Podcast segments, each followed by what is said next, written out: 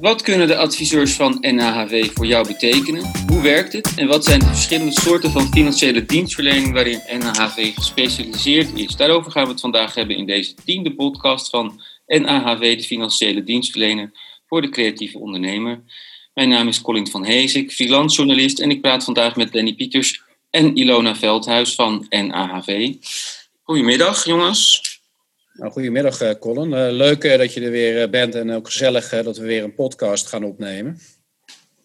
Goedemiddag. Fijn dat ik ook weer aan mocht sluiten om deel te nemen. Zeker, zeker. Gezellig. ja, laten we beginnen met de administratie, jongens. De bonnetjes. Vroeger had je dan een hele grote map met bonnetjes. Het was een hoop werk. Maar tegenwoordig bij NAHV gaat dat vaak anders. Danny, vertel. Nou, we proberen dat in ieder geval anders uh, te doen. Uh, we hebben natuurlijk best wel veel klanten. En er zitten ook nog klanten tussen die op een ouderwetse manier al hun bonnetjes verzamelen in een schoenendoos.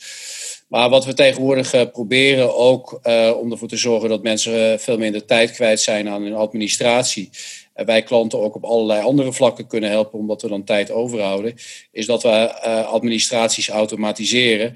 En dat doen we op twee manieren. In eerste instantie uh, zorgen we dat, u, dat de zakelijke rekening, bankrekening van een klant gekoppeld is aan ons boekhoudprogramma Exact Online. dat betekent dat al die mutaties op die zakelijke bankrekening ook meteen worden ingelezen in het boekhoudpakket. En daarnaast uh, krijgen klanten of een, uh, een, een, appje op hun telefoon van uh, Exact Online of een appje van Digidata. Dat is een ander programma waar wij mee werken.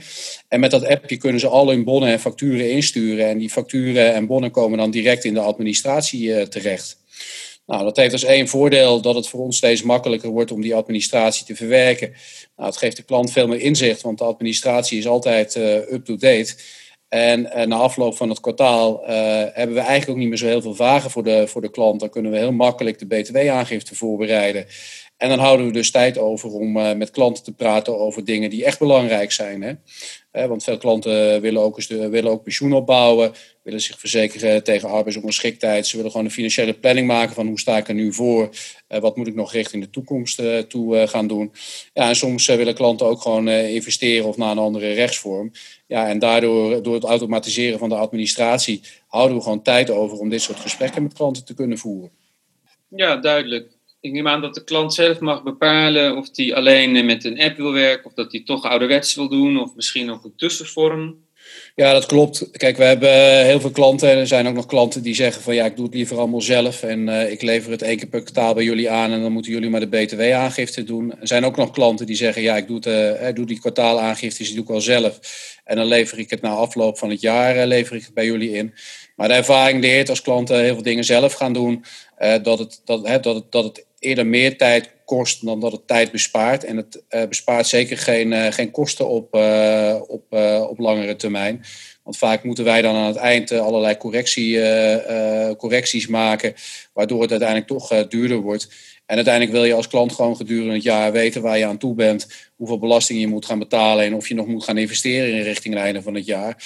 en dat kan eigenlijk alleen maar als de administratie helemaal up-to-date is via een boekhoudprogramma en uh, een app die alle bonnen digitaliseert. Dus we proberen klanten daarmee eh, te helpen, maar dat neemt niet weg dat er ook ruimte is uh, voor klanten om dat zelf verder in te vullen. Ja, dat hangt een beetje van de klant af hoe die dat, hoe die dat zelf gaat invullen. Maar we staan, er, we staan in principe voor alle methodes open. Al proberen we klanten wel nou, te helpen met het automatiseren en digitaliseren van de administratie, omdat het uiteindelijk een win-win situatie is. de klant bespaart zich tijd. En uh, wij houden ook uh, tijd over en dat scheelt natuurlijk ook in de kosten. Maar wij kunnen klanten ook op allerlei andere vlakken dan helpen.